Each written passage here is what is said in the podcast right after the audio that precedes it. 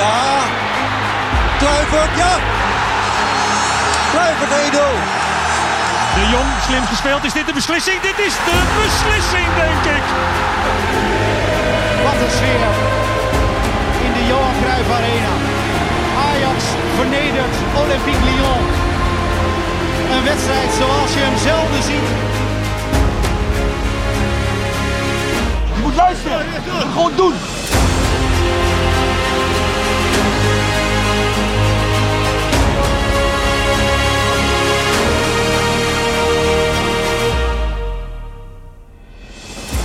Welkom allemaal bij de Face Podcast van dit seizoen. Dit is de podcast van en voor Ajaxide.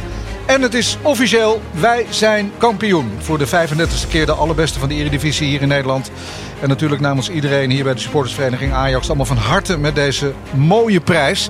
En dat zeg ik natuurlijk ook namens alle makers van deze podcast. En niet in de laatste plaats tegen mijn charmante en altijd goed gebekte Amber Roner. Ja, goedemiddag Daniel. Van... Waar was jij gisteren? Oh, wij hebben een, uh, een buiten een soort van skybox uh, gemaakt bij uh, de groep meiden met wie ik altijd naar de wedstrijden ga. Als het kan, naar de Europese wedstrijden. Um, hebben wij buiten op een groot balkon op afstand een tv neergezet, vlag opgehangen en lekker, lekker naar de wedstrijd gekeken. En ik had er zin in. Het was mooi, het was fijn, het was ja, alles eigenlijk wat ik niet meer had verwacht dit jaar. En wat toch die spanning die nog opkwam. En uh, ja, ik heb echt genoten. Ik echt ook. wel. Ik ja. Het, was, het was een prachtige wedstrijd eigenlijk achteraf. Ja. Hè, en een mooie uitslag. En voor de negende keer in de geschiedenis uh, de dubbel gewonnen. Zo. De beker en het landskampioenschap. Vandaag gaan we terugblikken op het bijna voorbije seizoen. Er wordt nog gespeeld, maar Ajax is klaar. Zondag staat er zelfs nog een klassieker op het programma. Ja. En we hebben een hele leuke gast vandaag. Ja, het is superleuk. De mensen die veel in het stadion zitten, die zullen zijn stem zeker herkennen. Of als je natuurlijk bij de eerste helft van je, of de eerste wedstrijd van Young Boys ook aanwezig was, toen was er een uh, voorprogramma online. En uh, ja, het is uh, Rob van Rossum, de man, de stem van Ajax in het stadion. Eigenlijk man... een beetje de vergeten stem, want het afgelopen seizoen zijn natuurlijk weinig mensen binnen geweest. Helaas. Maar Rob was er wel altijd bij. We gaan met hem praten hoe, uh, hoe dat allemaal zo is gekomen en wat precies uh, zo'n stadionspeaker doet zo'n hele dag en wat dat allemaal inhoudt. Um, en laten we meteen maar even naar uh, de wedstrijd tegen AZ gaan, want toen was er wel publiek in de, in de Johan Cruijff Arena. Zo, nou inderdaad. Dat was eigenlijk wel echt het kippenvelmoment. We konden daar natuurlijk geen officieel kampioen worden, maar gewoon die beelden, dat is toch waar we met z'n allen op hebben gewacht. Ik zat echt in tranen en ja, uh, voor ons ligt ook uh, het komende Ajax Live magazine. Uh, en ja, dat is ook echt, daar staat die prachtige foto, de ontlading ook van Klaassen naar zijn doelpunten. Dit, ja, dat publiek. Oh, wat had ik dat gemist? Dat was eigenlijk ook een, ja, dat was ook eigenlijk een kampioenswedstrijd natuurlijk. Ja. ja. Zo voelde het toch ook? Ja, die Ajax Live, die krijg je dus alleen als je lid bent van de supportersvereniging Ajax. Daar moet ik nog wel even bij zeggen, want daar krijgen we wel eens vragen over. Ja, waar kan ik die Ajax Live dan halen? Die kan je nergens halen, daar moet je lid voor zijn. En uh, dan krijg je dat prachtig magazine uh, in de bus. En uh, ja, dat is altijd leuk. Het ziet er fantastisch uit. Hebbes staat er heel groot op de voorkant. Ja. Nou, lekker, dat ga ik jullie niet maken. Nou, het was een goede wedstrijd. Alvarez was weer belangrijk. Stekelenburg uh, stond weer onder de lat. Wat dan toch weer een soort van rust geeft, vond jij niet? Ja, ja, heel erg fijn. Man van 38 en wat is het toch een aanwinst. Wie had dat nou kunnen bedenken toen hij ooit kwam? En hij heeft ook bijgetekend, hè? hij blijft nog een jaar. En hij wil gewoon eerst keeper blijven en zijn. En ja, echt wat een ontzettende uitstraling. En wat een, uh, ja, mooi. Mooi voor hem om zijn carrière toch zo hier bij Ajax uh, te mogen afsluiten. Over keepers komen we later ook nog te spreken in deze podcast. Eerst natuurlijk naar uh, afgelopen zondag de kampioenswedstrijd tegen Emmen. Uh, om half drie, mooie tijd om af te trappen. Op zondagmiddag, uitslag 4-0. Het was altijd, ja, het is altijd een beetje nerveus natuurlijk, ook voor zo'n wedstrijd. Um, ja, zullen we eerst eens luisteren naar uh, Davy Klaassen? Want uh, die werd natuurlijk al eerder kampioen met, met Ajax. Maar hoe valt dit kampioenschap?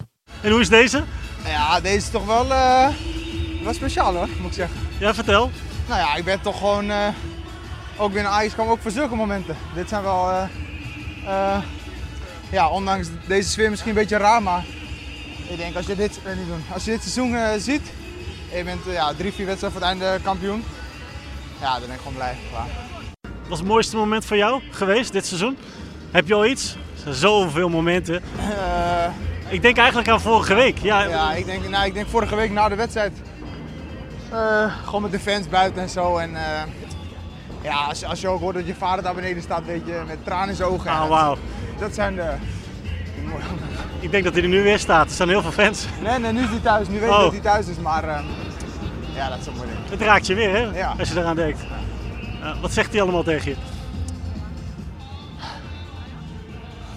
Gewoon dat hij trots is. hè. Ja, mooi om dit te horen. Hè? Kippenvel, die emotie. Ja, Echt, prachtig. ja, prachtig. Ja, wat, wat was volgens jou eigenlijk een eh, beslissend moment dit seizoen? En iets leuks Oeh. graag. Ja, ja. Ja, je kan Ja. van alles verzinnen, namelijk het vinkje, eh, Onana. eh nou, er is natuurlijk een hoop gebeurd. Nou, laten we vooral Promes van niet, Blind, ja. Promes niet vergeten. de nou, blessure van inderdaad. Blind. Er is een hoop ge- gebeurd, er zijn een hoop spelers gekomen, gegaan. Eh, ik herinner me van, ja, ik vond het gewoon een fantastisch seizoen achteraf. Als je nu terug kan kijken, er is een hoop gebeurd. De wedstrijden tegen Lille vond ik super eh, interessant. Eh, mooi, gewoon echt trots op Ajax. Maar ook hoe ze gewoon heel veel wedstrijden ongeslagen zijn gebleven. Ehm, eh, de jeugd die opkomt. De, ja, zoals Gravenberg, hoe die zich heeft laten zien. Maar vooral ook Timber achterin. Ja. Alvarez en Martinez die ineens de sleutel bleken tot succes. En ja, toch ook gewoon Tadic, on fire. Echt gewoon iedere keer weer het team op eh, sleeptouw nemen. Op afstand eh, de beste Ajax ziet van het afgelopen seizoen. eh, blijkt ook volgens statistieken, las ik overal. Hè? Ja, zeker. Hij heeft het eh, 22 goals gemaakt, 25 assists. En dan hebben we nog drie wedstrijden te gaan. Ja, dat is gewoon, ja, dat is natuurlijk gewoon ongekend. Ja. Wat een aanvoerder. Ja. Wat was voor jou een moment dat je denkt, ja, hier kijk ik met veel plezier op terug? Nou ja, ik, ik- algemeen vond ik, het is echt een bijzonder seizoen wat je eigenlijk niet dacht. Omdat je, je, je kan, ik spreek ook wel mensen, dat had ik zelf ook. Dit kampioenschap zag je natuurlijk wel aankomen ook. Hè? Dus, dus die spanning, die, die miste je toch eigenlijk wel een beetje. Want eh, vanaf augustus ben ik eigenlijk wel van uitgegaan dat het wel goed zou komen. Stom is dat hè eigenlijk. Echt? Nou ja, ik, ik vond in ieder geval Ajax na de winterstop, laat ik het zo, zo zeggen. Ja. Eh, nou, ik bedoel, wat ik bedoel is eigenlijk dat na de zomer begon iedereen al een beetje te schrijven. En op televisie overal te roepen in de media. Nou, als Ajax geen kampioen wordt, weet je wel. En dan als je, als je supporter bent, dan denk je nou... Hè, daar ga ik wel even in mee. Je gaat niet het, je gaat niet het tegenovergestelde denken. Dus dat, dat gevoel had ik. Maar ik vond na, na de winterstop vond ik Ajax echt weergeloos goed ook. En ik vond het heel jammer dat het Europees eh, zo slecht is afgelopen. Maar Ja, daar gaan we het niet te veel over hebben Nee, maar, natuurlijk. maar toch ja. is dit achteraf weer een, toch, ondanks alles hè, wat, wat er dan verwacht wordt, is toch weer een heel bijzonder seizoen geworden. Ook om de dingen die jij nu net noemt. Vooral eh, de jonge spelers die zich eh, hebben laten zien. Gravenberg, eh, natuurlijk fantastisch.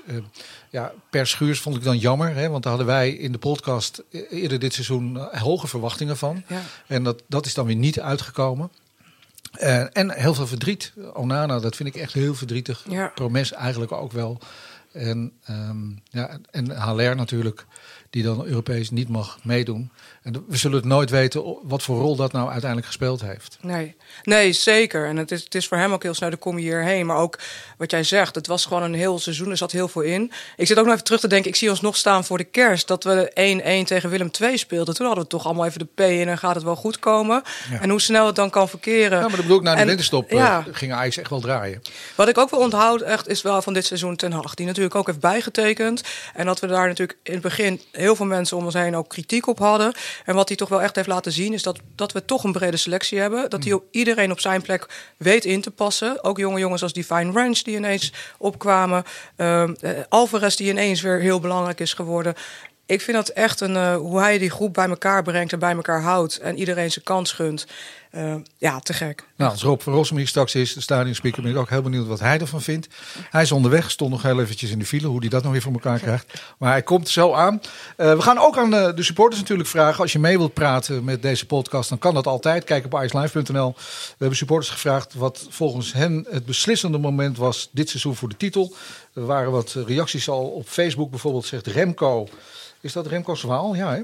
De wedstrijd tegen Twente, dat Huntelaar erin komt en het binnen een paar minuten eigenhandig naar zich toe heeft getrokken. Dat waren drie hele belangrijke punten. Die kan ik me ook nog wel herinneren. Ja. Michiel Schipper op Facebook, de exit van Labiat en Promes.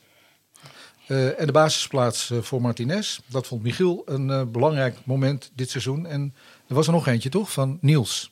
Ja, die zegt ook het gelijkspel bij PSV met zo'n duimpje erachter. Oh ja. ja. dat kan ik Maar wel. dat is Niek op Twitter. Maar Niels, Oh. Niels Veldhoven op Facebook. Oh ja, die AZ uit voor de beker, zegt hij. Daar was de nacht zijn eigen zijn ogen eindelijk geopend en Martinez en Alvarez weer speeltijd gaf. Waardoor de puzzel steeds verder in elkaar viel. Ja. En er zijn ook heel veel supporters die eh Ajax AZ dat we weer in de Johan Cruijff Arena mochten zijn. Dat vonden we ook een hoogtepunt. Dat was het natuurlijk ook. Hè? ja. Wat een verschil is dat dan opeens. Hè? Ik zat voor de televisie, ik was er niet hoor, maar ik voelde het gewoon door mijn scherm heen, zeg maar. ja. Dat, hè, dat En die gevoel. spelers ook, toch? Ja, ja. Je zag ze gewoon, dit gaat goed komen. Extra jammer dat dat gisteren natuurlijk niet kon bij die kampioenswedstrijd. En eigenlijk ook onbegrijpelijk. Maar goed, ehm, ja, die hele COVID-discussie die hoeven wij niet in deze podcast te gaan voeren. Zeker Er niet. zijn weer andere podcasts voor. Zeker. Laten we naar eh, de babbelbox gaan. Drie eh, supporters, Selma, Marcel en Roy. Je hoort ze over de hoogtepunten wat zij beslissend vonden voor dit seizoen. Gefeliciteerd met de 35e landstitel Ajaxide. Ja, het was weer een bijzonder seizoen waarin als vanouds veel gebeurde. De maanden januari, februari en maart waren echt subliem. En dat heeft eh, denk ik zeker bijgedragen aan eh, die geweldige reeks van ongeslagen zijn en de enorme voorsprong die we hebben opgebouwd op onze concurrenten. Het thuisduel met AZ was voor mij een hoogtepunt. Na lange tijd weer in de arena met een heerlijke sfeer en enthousiaste Ajaxide. Hopelijk kan dat volgend seizoen weer. En dan een stuk vaker en met veel meer supporters erbij. De groep is fysiek heel sterk, gegroeid. De staf heeft dat goed op orde, een compliment waard. En ondanks het wegvallen van belangrijke spelers op cruciale momenten, hebben de spelers steeds geknokt, het niet opgegeven. En dat begon bij PSV thuis.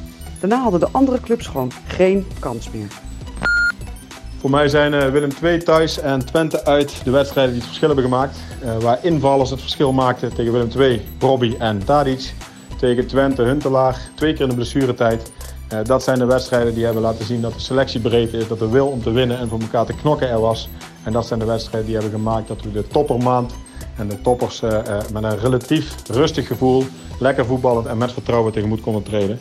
En eh, waardoor we nu staan waar we staan, nummer 35. Volgens mij hoorde Jury ook in de Ja. babbelbox. Ja, ik denk dat Marcel gewoon even vrij had zo naar het kampioenschap. Wil je ook in het panel, dan kun je kijken op onze socials. Kijk eh, even op ixlive.nl. Dan kun je ook meepraten in deze podcast. Inmiddels is Rob van Rossum ook binnengekomen. Rob, wat leuk je te zien, man. Ja, het was eh, even druk op de weg. Ja, dat, maar dat maakt helemaal niks uit. Fijn dat je er bent vandaag. We gaan natuurlijk straks uitgebreid met je praten. Maar we hebben nu een aantal zaken. Nou, dat is best wel leuk om te weten wat Rob daarvan vindt. Zeker. Vind jij niet, Amber? Ja, nee, absoluut. Als hij er een mening over heeft. Of, maar dat denk ik wel. Ik ken hem een klein beetje. Die Nou, heeft overal een mening over. Ja, oh, oké. Ja, ik ken hem natuurlijk niet zo heel goed. Ik ken alleen zijn stem. Dus ik, eh, ik heb wel wat vragen voor je. Dan, weet ik, dan leren we elkaar ook een beetje kennen hier. Dus eh, wat, wat onder andere waar ik benieuwd naar ben. Hoe kijk je aan naar de komst van keeper Remco Pasveer? Nou, ik moest je zeggen dat ik eh, tijdens de KVB-bekerfinale hem eh, zag keeper. Was hij natuurlijk eigenlijk de man van de wedstrijd. Eh, wat dat betreft dacht ik zo, dat zou nog niet eens... Serieus? Dat mag je dan nog niet hardop zeggen. Ik, ik, maar toen dacht ik, nou, het zou als reservekeeper echt, echt een goede, goede keus kunnen zijn. En een week, maar dat wist ik echt niet. Hè. Dit was echt puur mijn eigen gedachte. Toen dacht ik, jongen, hij doet iedere keer, het hele seizoen al trouwens, sterke reddingen. Dus ik dacht van, nou, ik vond het, ik vond het eigenlijk wel een hele logische keus. Ja, Ja. ja. Maar wat zegt het jongens over eh, de onderhandelingen met Onana? Dat, dat pas weer nu eh, geto- gecontracteerd wordt. Ja, ik, Heeft dat er ik iets denk, mee te maken? Nee, ik denk dat het niks te maken heeft, Nee. toch? Het is gewoon, het is een tweede of een derde keeper. Dat gaan we zien. Onana speelt voorlopig niet. En dan wat ik begreep, want ik weet het natuurlijk ook alleen maar uit de media, dat hij al zelf weg wilde bij Vitesse. Dus dan, dan hij, hij wilde sowieso weg. Dat is wat ik begreep. Hij wilde niet verlengen, want dat hebben ze hem wel aangeboden, begreep ik. Dus ja, dan is dit voor hem ook een hele mooie kans. Weet je, als je in het eind van je carrière nog bij Ajax mag spelen, goeiedag. Zeker, maar dan hebben we Ja. dus twee eh, op leeftijd eh zijnde keepers. Ja, zeker. Maar Steek heeft zich al bewezen. In principe is er nog steeds nog, hè, Onana nog een kans dat hij er ook weer bij komt. Eh, we hebben nog eh, twee jeugdkeepers. eh Kiel Scherper, die toch wel aangegeven heeft dat hij waarschijnlijk nou, een jaartje verhuren helemaal niet zo slecht zou zijn voor hem. Ehm, ik denk dat je ze wel nodig hebt hoor, volgend seizoen. We komen uit een EK. Er gaat weer heel veel gebeuren. We mogen weer Champions League meedoen. Dus twee ervaren keepers. ik denk dat het wel helemaal geen slecht idee is, toch? Nee, ja, absoluut. Eens. Goed zo. Nou, dan hebben we het over eh, keepers. Er is ook eh, bij de, bij de Ajax vrouwen eh, iets veranderd, toch? Daar- Transfernieuws. Ja, ik wil daar volgend jaar, volgend jaar graag een jingle voor hoor. ja, zeker. Nou ja, het is een, een klein en leuk berichtje, maar wel echt heel erg mooi. Eh, Isa Pothoff is de nieuwe keeper van de Ajax Vrouwen. Eh, ze komt van Excelsior Rotterdam, 23 jaar. Eh meevoetballende keeper met een goede reflex, zo zegt ze zelf. En ik, eh, ja, ik vind dat leuke ontwikkelingen als ook daar eh, een beetje concurrentiestrijd komt en nieuwe speelsters. Volg je eigenlijk de Ajax Vrouwen? Eh, nou, weinig, moet ik eerlijk bekennen. Wel eh, een klein beetje. En het, het wordt ook wel steeds meer. Het wordt ook wel steeds leuker, vind ik. En dat heeft, heeft ook wel het Nederlands elftal van de vrouwen, denk ik, eh, bewerkstelligd. Het wordt ook steeds beter. Ik moet wel zeggen, weet niet eens meer of vorig seizoen, het seizoen daarvoor was, een beetje door corona je de seizoenen kwijt. Maar speelde je tegen Olympique Lyon. Ja, dan zie je wel hoeveel we nog uh, moeten gaan hè, met elkaar. Dan zag je echt wel een verschil dat je dacht, jongen, jongen, die vrouwen zijn wel echt ontzettend veel verder. Ja, ja, nee, absoluut. Daar zit ook maar goed, het is altijd goed hè, om vooruit te kijken. Zo zijn we met de mannen waarschijnlijk ook ooit uh, begonnen. Ver voor onze aller tijd. Uh, ja, dat, was heel lang geleden. Dat is heel lang geleden. Ja. Misschien had Daniel dat nog meegemaakt. nee, ik ben 103, maar dat weet ik echt niet. Nee, uh, maar nu we het toch over de ijsvrouw hebben. We hebben natuurlijk vorige week een hele mooie podcast gemaakt. met Leonne Stentler. Ja, met Leonne Stentler. En die heeft ook al iets uitgelegd over die nieuwe opzet van die Champions League. Um, daar is ook weer nieuws over, toch? Ja, het is nu uh, deze week bekend, of afgelopen week eigenlijk bekend geworden dat er een nieuwe uh, opzet komt. En dat betekent dat er 16 teams uh, uiteindelijk meegaan dingen voor, nou, voor de Champions League. Gevolgd door een, een knock-out fase. En er is al een VAR vanaf de kwartfinale. er zijn nog een aantal belangrijke punten die ze ook meenemen in deze veranderingen. Dat is namelijk dat er meer geld beschikbaar komt. Vier keer zoveel als nu, 24 miljoen euro. Zo. En daar zit ook een stukje 23 procent uh, ja, solidariteit in. Dus de, de, teams die niet meedoen, maar die wel meespelen in Europa, die maken ook gebruik van dat potje geld. Die krijgen daar ook een gedeelte van ter ontwikkeling van het vrouwenvoetbal. Dus ook al spelers niet mee de Champions League. En dat is gewoon belangrijk, want wat jij zegt, om op niveau te krijgen, moet je daar ook iets aan ontwikkeling doen. Um, daarnaast, wat ik ook een hele mooie vind en waar uh, op heel veel sectoren we nog iets van kunnen leren. Het, we kennen het vinkje van Allerg. En uh, bij de vrouwen is het zo dat ze bij de UEFA nu hebben aangegeven voor de Champions League. Mocht een dame terugkomen van zwangerschapsverlof of eventueel zwanger zijn, dan mag je op de spelerslijst nog een wissel doorvoeren. Dus dan mag je nog zeggen: oké, dan ja, overmacht. Maar waarom is dat dan voor de vrouwen wel zo geregeld en bij de mannen niet? nou ja, misschien heeft het ermee te maken. Iets medisch? Dat de mannen inderdaad uh, oh. uiteindelijk niet uh, met verlof gaan. Althans niet zo lang.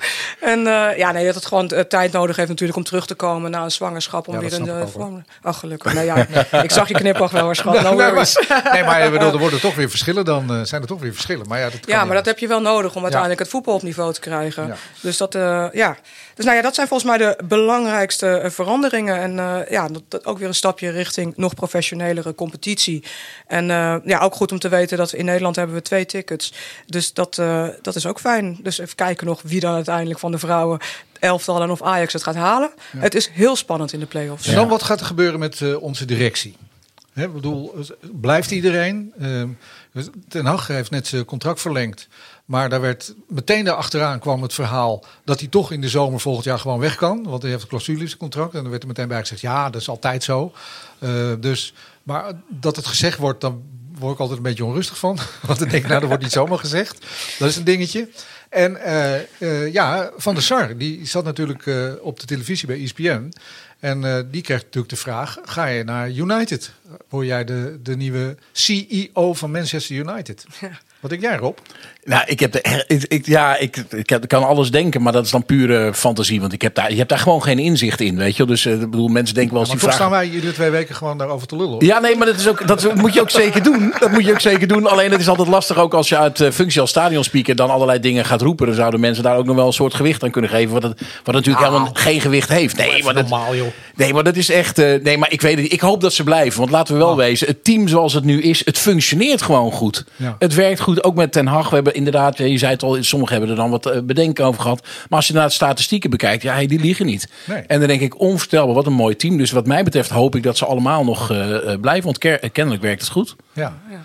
Ja, maar goed, de vraag is natuurlijk of ze dat gaan doen en of, of ja. dat ze een volgende stap gaan zetten. Maar Daniel, je weet, dit is de voetballerij, niks is zeker. Nee, nee natuurlijk. Nee, en, maar, daarom ben ik ook maar wat is jouw gevoel daarover dan? Nou, ik denk dat, uh, dat Van der Sar naar United gaat. Oh, dat echt? Is, nou, toen ik hem gisteren dat zo zag vertellen. En uh, hij begon namelijk te zeggen, uh, en dan merk je toch, hij heeft natuurlijk wel een hele goede mediatraining gedaan. Maar hij begon namelijk te zeggen, en toen dacht ik, wacht, die haalde ik terug. En daarna zwakte hij het heel erg af. Maar hij begon te zeggen namelijk, uh, dit werk doe je alleen maar voor clubs waar je van houdt. Dus uh, er zijn maar twee clubs in mijn leven waar ik van hou. Dus daarmee zette hij eigenlijk gewoon de deuren open. Door te zeggen, ja, dat is alleen United en Ajax. Een soort uh, flashback van Klaas-Jan Huntelaar. Uh. Nou, een beetje ja. ja. Dus, en daarna, daarna zei hij natuurlijk uh, dingen die jij ook zegt. Van ja, het loopt allemaal goed en ik wil het afmaken. En het, Maar goed, eh, zo'n baan bij, bij zo'n grote club. En eh, niks ten nadele van ons mooie Ajax. Maar zo'n baan bij Manchester United, dat is natuurlijk wel echt. Ja. Dat moet iets van een droom ook voor hem zijn, om heel eerlijk eh, dat te zeggen, denk ik. Toch? Nou ja, dat. En ik kreeg ook een beetje eh, de vibes zoals bij Ronald Koeman. Want het is hem dus ooit een keer... Nou, is er al een soort van gesprek geweest een aantal jaar geleden. Ja, en als die kans voorbij komt, dan is het niet heel vaak. Dus als dit al de tweede keer is, dan zie ik hem misschien ook wel. Ja, nou, in ieder geval ja. gaat hij dat serieus overwegen. Dat denk ik namelijk. En dat zou ik ook helemaal niet gek vinden trouwens hoor. Nee. Nee, ik ook niet. Zeker niet. Want ja. ook dat is hetzelfde wat natuurlijk een jeugdspeler hier doet. Heeft Edwin misschien, Edwin van der Sar misschien ook wel hier gehad. Die is natuurlijk ook opgeleid toen nog door Van Kingsbergen als hè, directeur, als iemand, een leider van een bedrijf. Die heeft hier zijn sporen nu verdiend. Hij heeft het toch aardig op de rit, denk ik. Zeker. Eh, nou ja, dan krijg je de kans om aan het einde van het jaar eh, een volgende stap te zetten in je carrière. Ja, hoe mooi is dat Ik weet niet hoe zijn thuissituatie daarover denkt natuurlijk. Want je, dan woon je niet meer in Nederland. Dat gebeurt natuurlijk. Hij zei ook nog even tussendoor. Ja, ik heb het heel erg naar mijn zin in Noordwijk. Toen dacht ik, ja.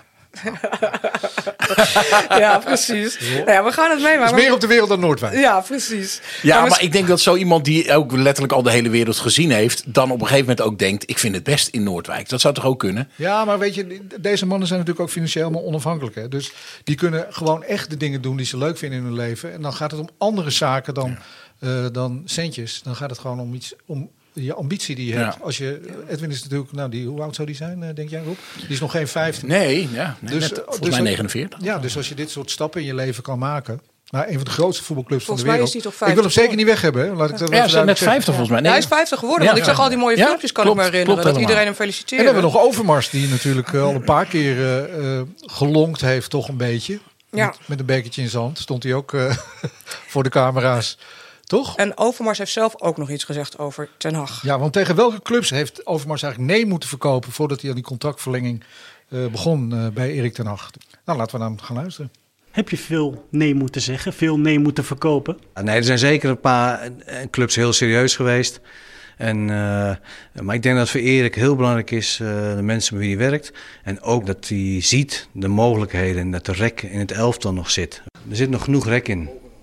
In het team, in de spelers die komen, de talenten. Hè. Daar kan Erik eh, een hele grote rol in eh, gaan spelen. En als je dat maar ziet met z'n allen, hè, dat je zegt van hé, de, eh, de, de doelstelling of wat je wilt, dat, hè, dat, dat zit erin. Ja, dan denk ik dat je gewoon door moet gaan. Je moet ook kijken, hè, wat, wat heeft hij gepresteerd de afgelopen jaar. Dat is enorm goed geweest. Nou, ik vind dat we sportief een hartstikke goed jaar hebben gehad. Ja, ja. Mooi voetbal gespeeld. Eh daarom zeg ik al, we hebben normaal geniet je van alle wedstrijden in Europa of in de competitie dat de volle bak is. Hè. Dat eh, eh, neemt de glans een beetje weg dat het publiek er niet bij is. Dat is, eh, dat is een feit. Nou, het is wel mooi. Nou, nu ik dit dan weer hoor, denk ik, nou, die zullen nog wel even blijven. Ja. Ja. Die willen gewoon nog een seizoen met een vol stadion spelen, toch? Ja, ook dat ja. Ja. En, en er komt natuurlijk veel moois aan, ook voor Ajax weer in het volgende Toch? Ben je het er eens, Rob? Ja, nee, helemaal eens. Ik, Ik, dan kan je het eh, bij de eerste wedstrijd weer even omroepen allemaal. ja, nee, ja, Eh, goed, dat je Ja. er, goed dat je er ook bij bent. En dan is er nog een ander mooi gerucht. eh, een derde shirt. Er is ook altijd een, er is een uit- en een thuisshirt, maar ook een derde Ajax-shirt. En ehm, ja, dat zou dan een ode aan Bob Marley moeten zijn in de Rasta kleuren. Prachtig shirt ook. ja, ik zag hem, maar ik dacht dat is een gimmick. Ja, dat, ja maar hij werd ook op de Maar is het serieus? Want hij is echt heel cool Nou, natuurlijk. Het, het Ja. zijn gericht, geruchten, maar die worden steeds hardnekkiger. En ja, ook omdat het natuurlijk eh, al is al gesproken over het oude logo. En er is gesproken over eventueel misschien een retro-achtig ook Adidas-logo erop. En ja, de, de plaatjes beginnen wel steeds beter te lijken. Maar wat, wat denken Maar jullie? misschien even een beetje terug gevraagd. Mag dat wel? Mag je die Rasta eh, kleuren gewoon, kleuren, die kleuren zijn natuurlijk gewoon vrij? natuurlijk. Ja, ja, ja. Nou ja, eh, ik vond dat wel heel stoer. Dit zijn gewoon de kleuren van de reggae muziek. Ja, Dus ja, die, die zijn gewoon natuurlijk voor Bob iedereen te Marley. Freebirds. Voor Ik hoor, ja, daarom. ja. Maar eh, Edwin van der Sar eh, werd eh, geconfronteerd met het shirt op televisie. En die zei, ehm, nou alles klopt aan het shirt. Het logo klopt, de sponsor klopt. Ik ga alleen niet zeggen of het waar is. Dus dat was wel grappig. Heel slim. Dat was wel grappig. Maar ik, ja, misschien is het ook wel een soort test. Hè? Hoe, hoe er wordt gereageerd op zo'n shirt. En iedereen is natuurlijk super enthousiast. Dus het zou heel raar zijn als het er dan niet zou komen. Denk ik dan. Nee, of je moet echt iets met iets veel, veel beters komen. Maar dat, dat, dat kan ik me niet voorstellen. Dit, dit wordt Nou, hem, denk ik. Nou, dat denk ik ook, want anders gaat iemand anders hem namelijk maken. Ja. Zou zomaar kunnen. Ja, ja. ja en dan, eh, ja, dan ja, heb je maar- dat. Dan kun je beter zelf officieel doen. Maar er is toch maar één stadion waar dan in de rust dit nummer klinkt. Jawel, maar dat shirt is natuurlijk... Oh, dit nummer. Ja, Ja. oh ja, laat me even... Oh, toen toch een Gewoon een beetje voor de sfeer. Kom op.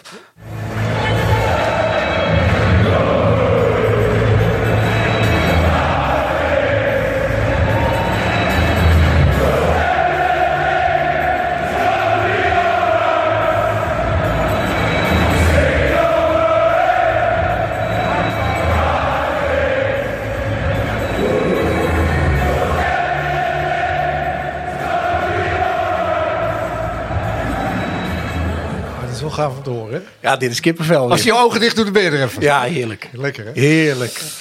Rob van Rossum is bij ons, eh stadionspeaker. Ehm, ja, we, we hebben natuurlijk jouw stem gewoon gemist. Want jouw stem is natuurlijk echt verbonden aan het Johan Cruijff, aan het Johan Cruijff Arena. Dus als je jouw stem hoort, dan ben je daar. Ja. Dus dat, dat is wel mooi. Eh, ja, hoe, hoe was het voor jou, omdat het opeens stopte?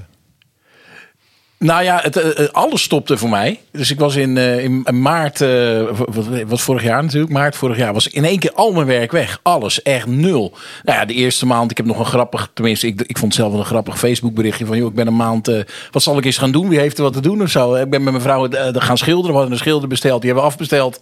En iedereen is volgens mij gaan schilderen, hebben wij ook gedaan. Ja, maar op een gegeven moment denk je, wat bizar is dit? Ik heb dat echt mijn hele leven nog nooit meegemaakt, dat je gewoon niks mag. Je mocht gewoon niks. Ik ben nog wel weer radio gaan maken. Ik werd gevraagd door een radiostation hier in Amsterdam of ik daar radio wilde maken. Nou, dat is een Eh, oude... Wild FM, toch? Ja, dat is Dat een doe, je nog, doe je nog steeds? Ja, doe ik nog steeds, ja. Dat is een oude liefde voor mij. Nou ja, goed, Daniel, jou niet vreemd natuurlijk. Dus eh, toen kreeg ik de opportunity. En normaal door de drukte in mijn eh, bestaan was dat helemaal onmogelijk. En toen dacht ik, oh, dat vind ik eigenlijk wel heel leuk. Dus ik heb heel vaak alleen op de snelweg gereden. Richting het radiostation.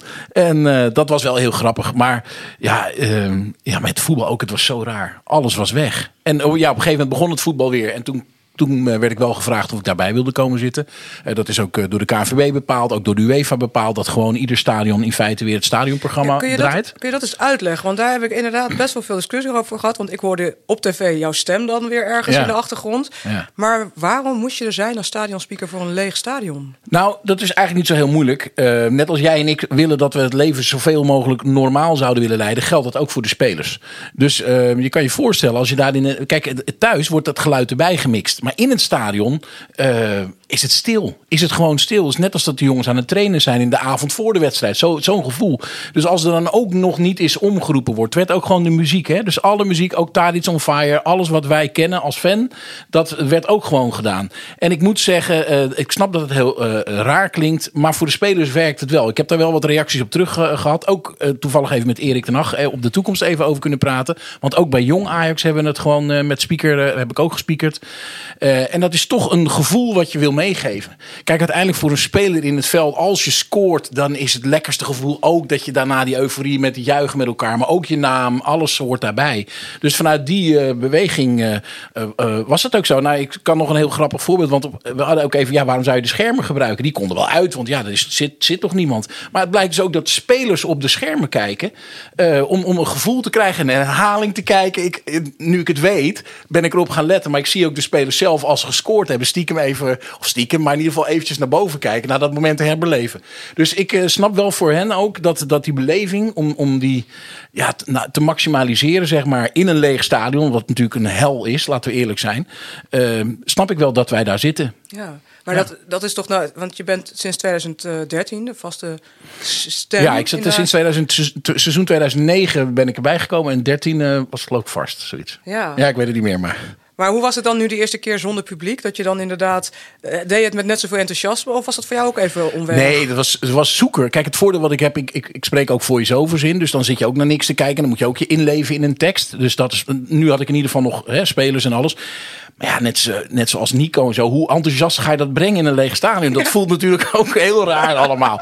Dus zo zat ik ook. Dus je hangt er een beetje eigenlijk, om eerlijk te zijn, tussenin. Ik, ja, ik moest ook weer opnieuw zoeken. Net als iedereen dacht van hoe, hoe is dit? Maar ja, goed, wel uh, als je dan weet dat het voor de spelers belangrijk is. Dan ga je gewoon wel weer met diezelfde overtuiging in. Dat vond ik wel echt heel belangrijk. Dat ik denk, oké, okay, natuurlijk ik verdien mijn geld ermee. Dat is punt, hè, dat is ook mijn boterham. Maar ook dat ik dacht van, oké, de spelers hebben er wat aan. Dan ga ik er ook vol passie zitten. Ook al slaat het nergens op voor mijn gevoel. Want dat was voor mij natuurlijk ook een leeg stadion. Ik weet nog wel, Champions League. Ik liep naar uh, de vierde etage, waar ik normaal nog wat uh, interviews doe. Na afloop van de wedstrijd in twee verschillende zalen met spelers.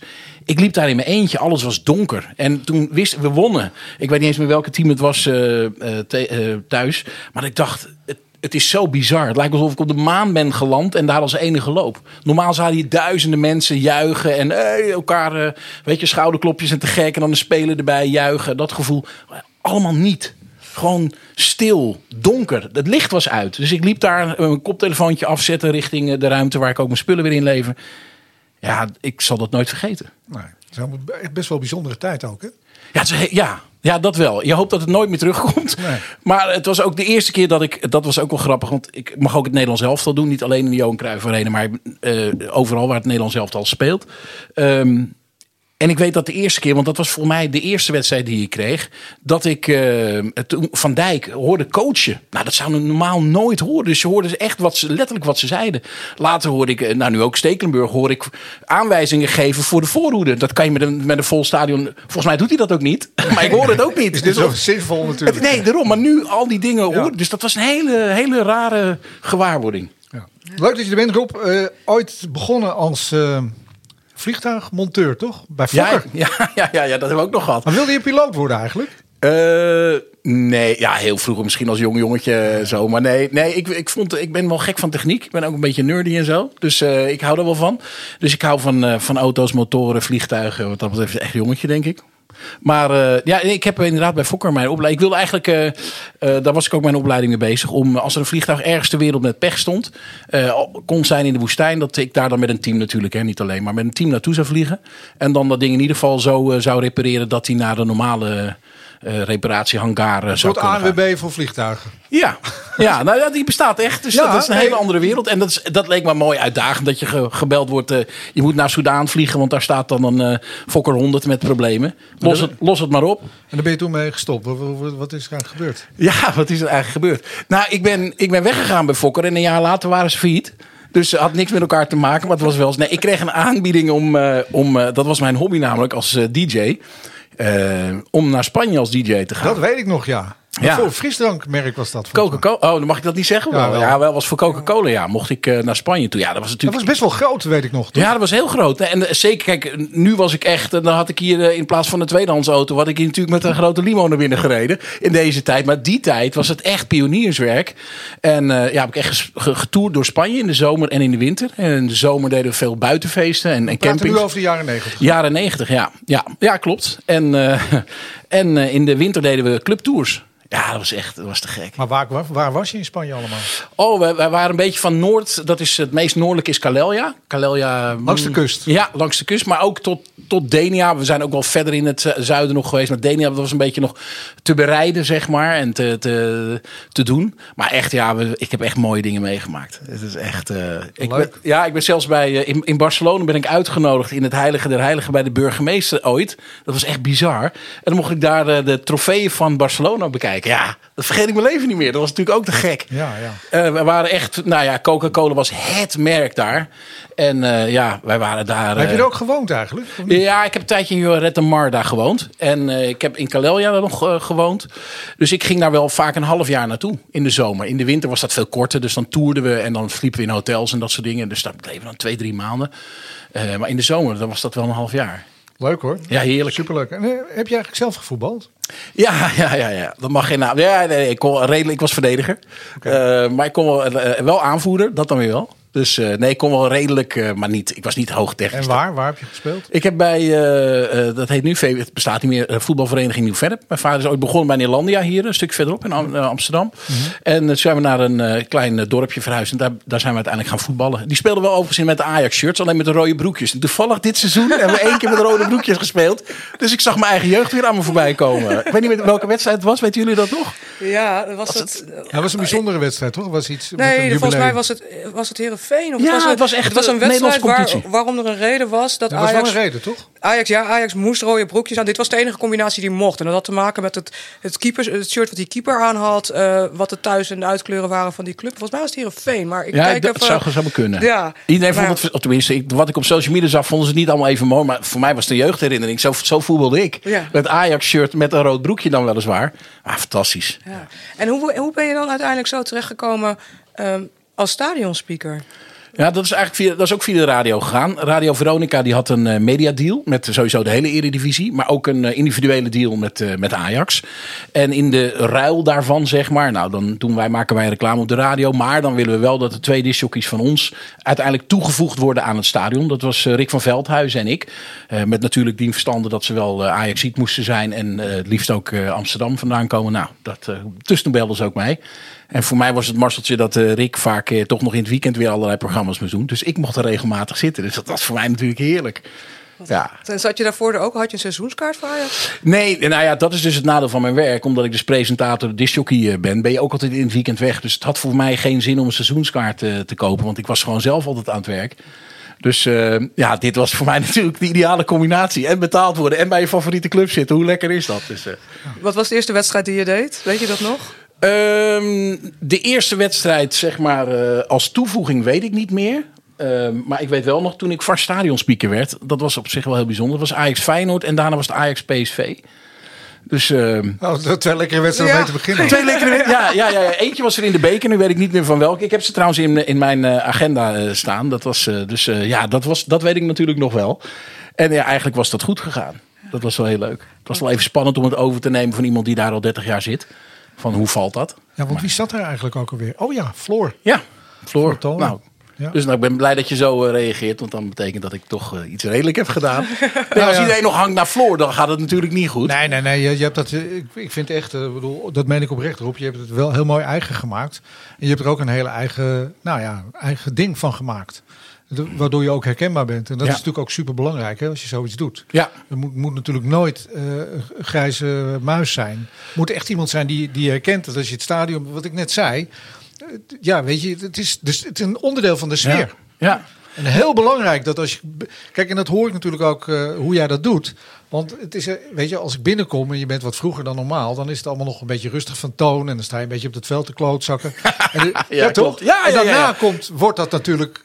Helemaal, ja. ja, dan gaat het beginnen en dan ga jou, gaat jouw stem ook anders. Klopt. Toch? Klopt, ook de ja. dingen die je zegt worden anders. Ja, nee, dat klopt. Ja, nee, ja, het, is, het, het is wel even een zoektocht geweest. Want we hebben wel een bepaald format, zeg maar, bij Ajax. dat heb ik ook gehoord hoor. En eh, ja, ja, ja, ja. Nee, maar het is altijd, je moet altijd weer in een rol groeien. En het, eh, het, het was, het, ja, weet je, het was ook wel weer iets heel anders dan. dat, de- er is geen school voor. Voor de mensen die echt nog nooit in de Johan Cruijff Arena hebben zijn geweest en jouw stem weer te horen.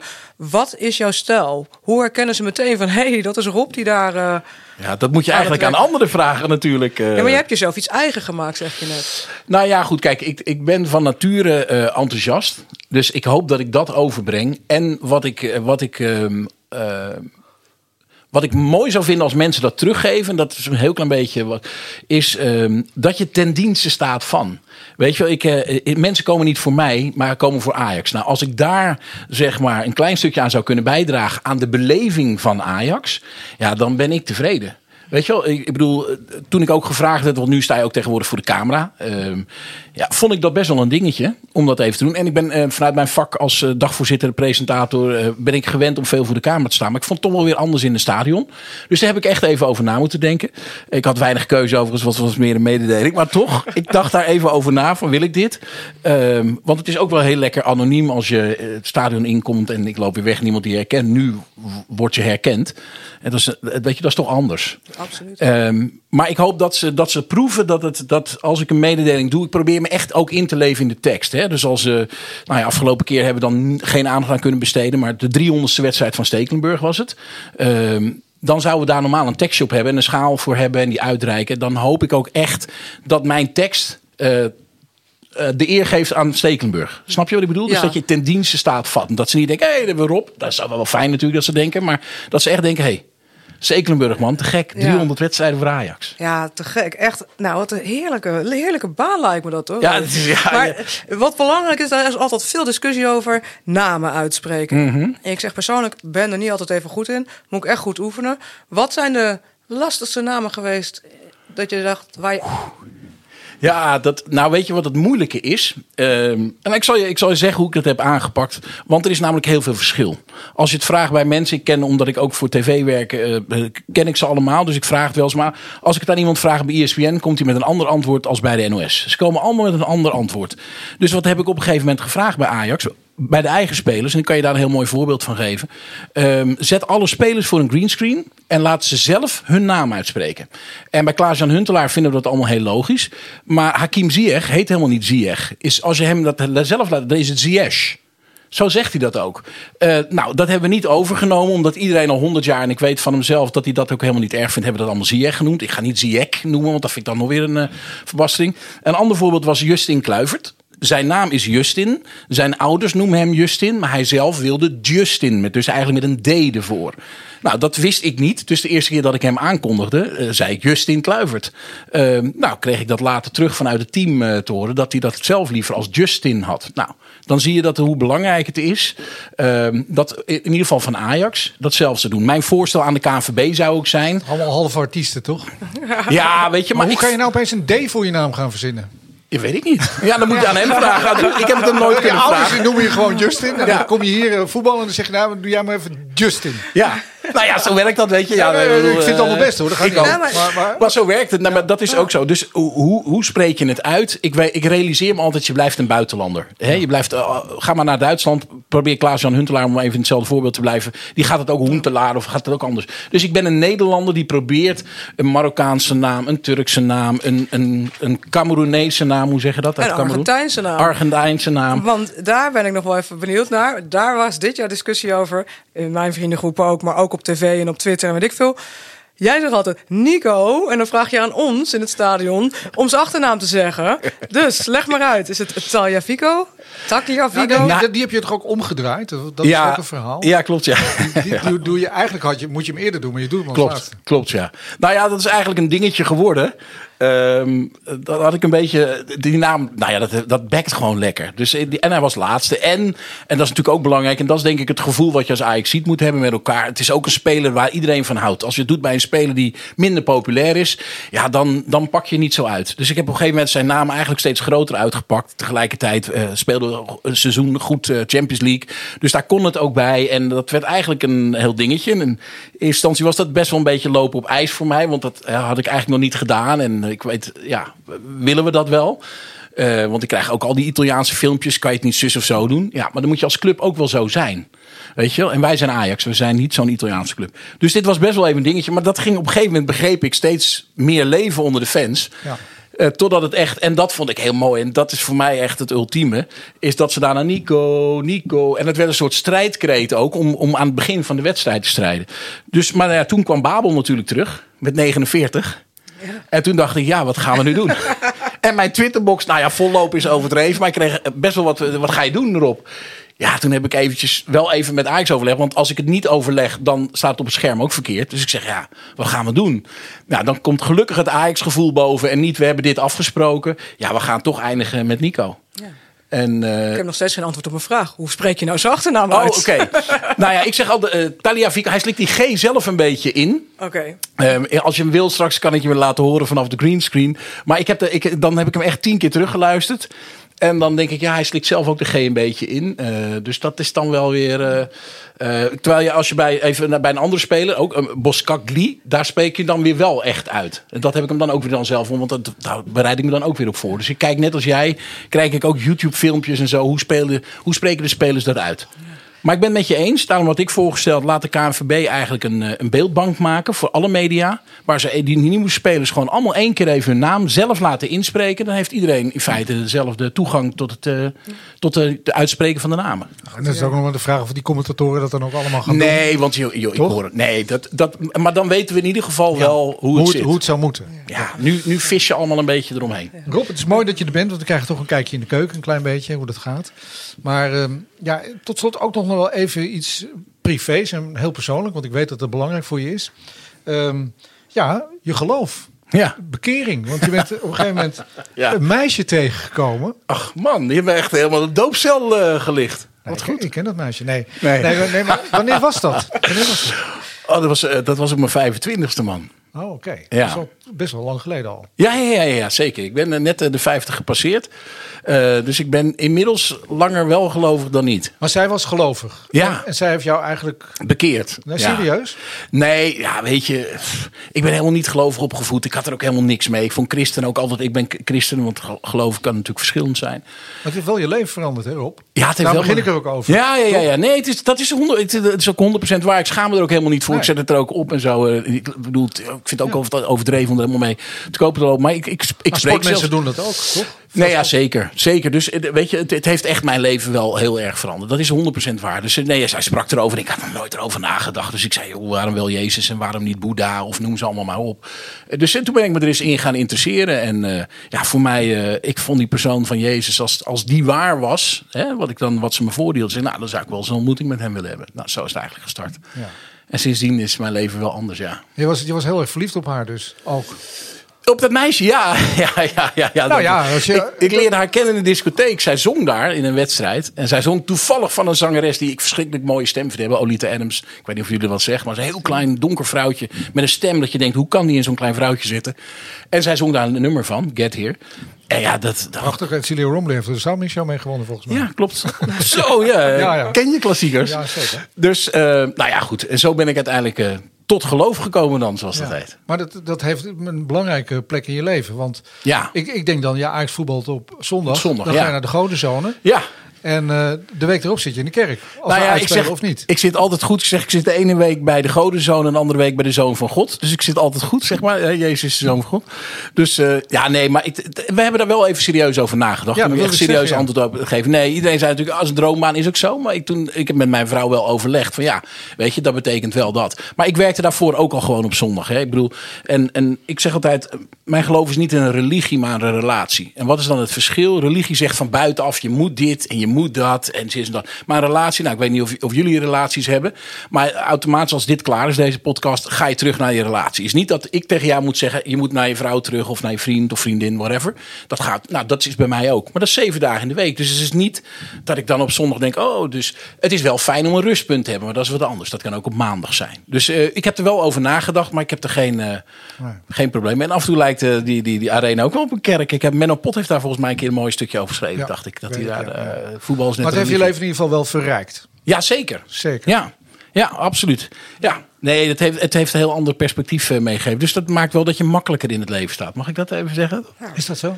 Ja, vind ik wel. Het maakt je heel onafhankelijk van allerlei meningen. Dat wil niet zeggen dat als iemand mij uh, heel naar uh, bejegent... dat ik dat niet fijn uh, zou vinden. Maar het, ja, iemand anders geeft mij een waarde mee en die is positief. Dus dan heb je wat minder afhankelijk van wat anderen van je denken.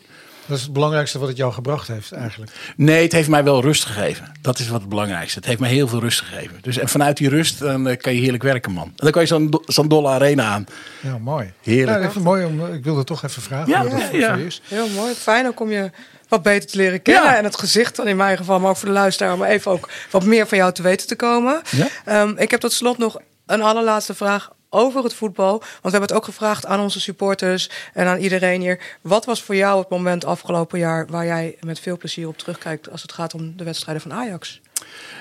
Nou, dan wil ik eigenlijk niet zozeer even. Dat is natuurlijk vanuit mijn functie even een inkoppertje. Maar dan moet ik toch denken aan de wedstrijd tegen AZ. Omdat daar de fans bij waren. Maar dat was echt, eh, weet je, kippenvel. Ik zag het ook aan de spelers. Je merkte gewoon die wisselwerking. Dat vond ik echt, dat kon je nu nog mooier zien dan ooit tevoren. De, de, de manier waarop ze de, de, de strijd aangingen. Hè, van beide kanten ook. Je zag dat het impact heeft. De reactie van fans, fluiten en joelen. En dat ze ook de, de, de duels veel, veel strijdvaardiger aanpakken. Kan je nagaan erop, 7500 mensen. Het is een fractie van wat er... Het was bizar. Ja, toch? Ik denk, wat kunnen 7500... Ja. Hoe was het ook alweer met 55.000 Ja, mensen? Ja, ja. Het was echt... Ik weet niet of dit, eh, uit, deze geselecteerd waren op lawaai maken. Maar deze waren echt goed. Deze 7500 mensen hadden er echt zin in.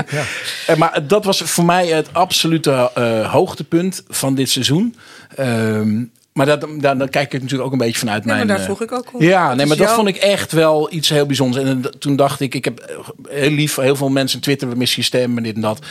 Ehm, maar ja, ik mis die mensen natuurlijk ook, want we doen het echt met elkaar. En dat is, dat is wel mooi. Ten Hag zei dat met name toen in 2019, ook met de Champions League, die wisselwerking tussen de fans en de spelers. Nou, ik denk dat we dat nu allemaal wel gezien hebben. Dat dat echt zo is, dat het niet een praatje is voor tv of media. Maar jongens, eh, voetbal zonder supporters is gewoon geen sport. Eh, dit- Dat bestaat door de supporters. Ja, absoluut. En dat is waar we bewezen het afgelopen jaar natuurlijk. Nou, dat vind ik wel de en niet winst. alleen hier bij Ajax, het is natuurlijk gewoon internationaal ook zo. Nou ja, ik hoop dat ook hè, bij de UEFA zouden ook echt eh, de supporters verenigd moeten zijn in een, eh, in een stem om daar iets over te, te vinden. Ja. Dus eh, ik ben daar groot voorstander van. En dat hebben we denk ik hopelijk nu. Maar ja, goed, het blijft natuurlijk een Er is hele toch nog grote wel ergens goed voor geweest. Nou ja, dat hoop ik dat we dat eruit uit, eh, uit voort kunnen slepen. Nou, Rob, ik hoop je stem weer snel te horen. Eh, is het niet op Wild FM dan wel in het stadion? Ja. Liefst, liefst dan toch in het stadion. Ja, snap ik. kiezen. Ja, ik ook hoor. Eh, wij gaan naar de kalender. Dat denk ik ook. Dankjewel Rob. En eh, in elk geval eh, nog één wedstrijd van Ajax thuis. VVV als we het dan toch over de kalender hebben. Dat is de laatste op 13 mei op Hemelvaartsdag. Dat is de laatste thuiswedstrijd van dit seizoen. En Feyenoord Ajax natuurlijk. De klassieker aankomend weekend. Daar heb ik zin Met de. Erehaag. Ja, zou je denken?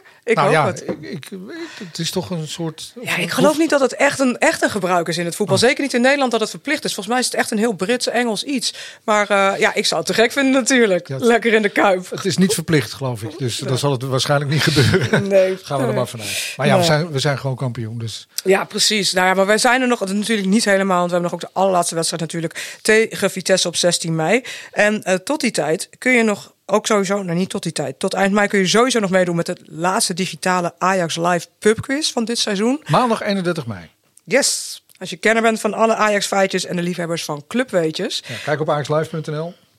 Ja. En het ene laatste nummer van het Ajax Live Magazine valt vrijdag 7 mei op de mat. We hadden het er al even over. Als je lid bent van de supportersvereniging van Ajax, dan valt hij bij jou op de mat. En het is echt wel, nou, het staat er ook op, hebbes. En ik heb hem hier al in mijn handen. Het is weer een fantastische editie. Echt, eh, ja, top. En dan? Oh, ja, nou ja, ook op die 7e mei. Ajax jongenscharen FIFA 21 toernooi. Dat is ook leuk op de PlayStation. Ja, ik ben niet zo van de computerspelers, maar dit is toch wel te gek hè, als je jong Nou, bent. voor die kids is het helemaal super gaaf. Ja, leuk. En je zou het bijna vergeten, inderdaad, de klassieker, daar hebben we het net al even over gehad. En je kunt ook nog Ajax-lid bo- worden. Nee, boven... je, kan, je kan stemmen op de nieuwe leden voor de verenigingsraad. Oh ja, daar weet jij meer van. We zijn, een, eh, we zijn natuurlijk een supportersvereniging. En eh, de verenigingsraad is het hoogste orgaan. Net zoals dat eigenlijk ook bij de club zo is. En ehm, ja, er zijn geen onzichtbare notulen. En eh, gewoon 50 goede kandidaten. Er hebben zich meer mensen kandidaat gesteld dan ooit. En er kan nog steeds gestemd worden op axlive.nl. Even doorklikken en dan kom je vanzelf bij die kandidaten terecht. En we hopen dat er weer goede mensen beschikbaar zijn. Die zijn er al. Ze moeten alleen gekozen worden door jullie. Als je lid bent van de sportvereniging mag je je stem uitbrengen. Nou, er waren heel veel gegadigden, want van de week lag de server gewoon plat, zag ik. Dus je, alles is weer geregeld. Je kan gewoon weer gaan stemmen. Doe dat ook vooral. En eh, blijf eh, onderdeel van deze prachtige supportersvereniging. En dan nog een heel leuk cadeautje, ook namens eh, natuurlijk de supportersvereniging. Want wij doen één keer in de twee weken de podcast dit seizoen. Maar er is hier heel hard gewerkt aan een speciale editie van de Ajax Live podcast. Vanaf maandag 10 mei tot en met zaterdag 15 Over mei. een dag of zes. Over een dag of zes, ja precies. Maar dan wordt er iedere dag wordt er een eh, Ajax Live podcast aflevering gepubliceerd met 10 jaar derde ster is de naam. Met hele mooie gesprekken. Ja, dat is een podcast special. Die iedere, iedere dag dus, hè? Vijf dagen achter elkaar. is een serie, dus het is leuk om te horen. De 10 jaar derde ster podcast met alle mensen die daarbij betrokken waren. Spelers, eh, supporters, de scheidsrechter. Eh, het is echt sfeer en eh, je beleeft het gewoon helemaal opnieuw. Ja. Maar het zou wel mooi zijn als je dan iedere dag even meepakt. Want dan moet je niet op de derde dag erin vallen. Want dan mis je net die eerste twee dagen. Nee, precies. Gewoon lekker luisteren. Ook gewoon om dit seizoen nog even dat extra vervoer te geven. We hebben de dubbel, we hebben het kampioenschap. Allemaal nogmaals van harte gefeliciteerd. Daar zou je mee En hoor. Check Ajax Live voor de laatste Hij berichten. rijdt net voor. En De bus. daar is die Piet. Een hele goede dag iedereen. En van harte gefeliciteerd natuurlijk met het eh, 35ste landskampioenschap van onze club. Geweldig toch? Wat een seizoen 2020-2021. En de KNVB-beker en landskampioen. De kwartfinale Europa. Nou, dat is toch hartstikke goed. En als we misschien wat minder pech hadden gehad in die wedstrijden tegen Liverpool... dan hadden we misschien zelfs nog wel in de Champions League gezeten. Nou, eh, dit is natuurlijk hartstikke mooi, mooie prestatie. Eh, nog drie wedstrijden te gaan en eh, er kan ons eigenlijk niks meer gebeuren. Wat ik dan ook zag, toch wel een geweldig mooi gebaar dat het shirt nu werd neergelegd bij Tony Bruinslot. Een gigantisch belangrijke schakel voor Ajax altijd geweest. En wat natuurlijk ook heel erg goed is, is natuurlijk dat we Daley Blind weer zagen. In het, in het Ajax-shirt en toch vrij positief gestemd over zijn herstel. Dus laten we hopen dat hij aan het begin van het seizoen er weer bij is. Nou, dat we heel veel mensen er bij de arena waren om het te vieren, is ook vrij logisch. En eh, laten we ontzettend blij zijn met dit resultaat. Nou, luidjes, tot de volgende keer maar weer.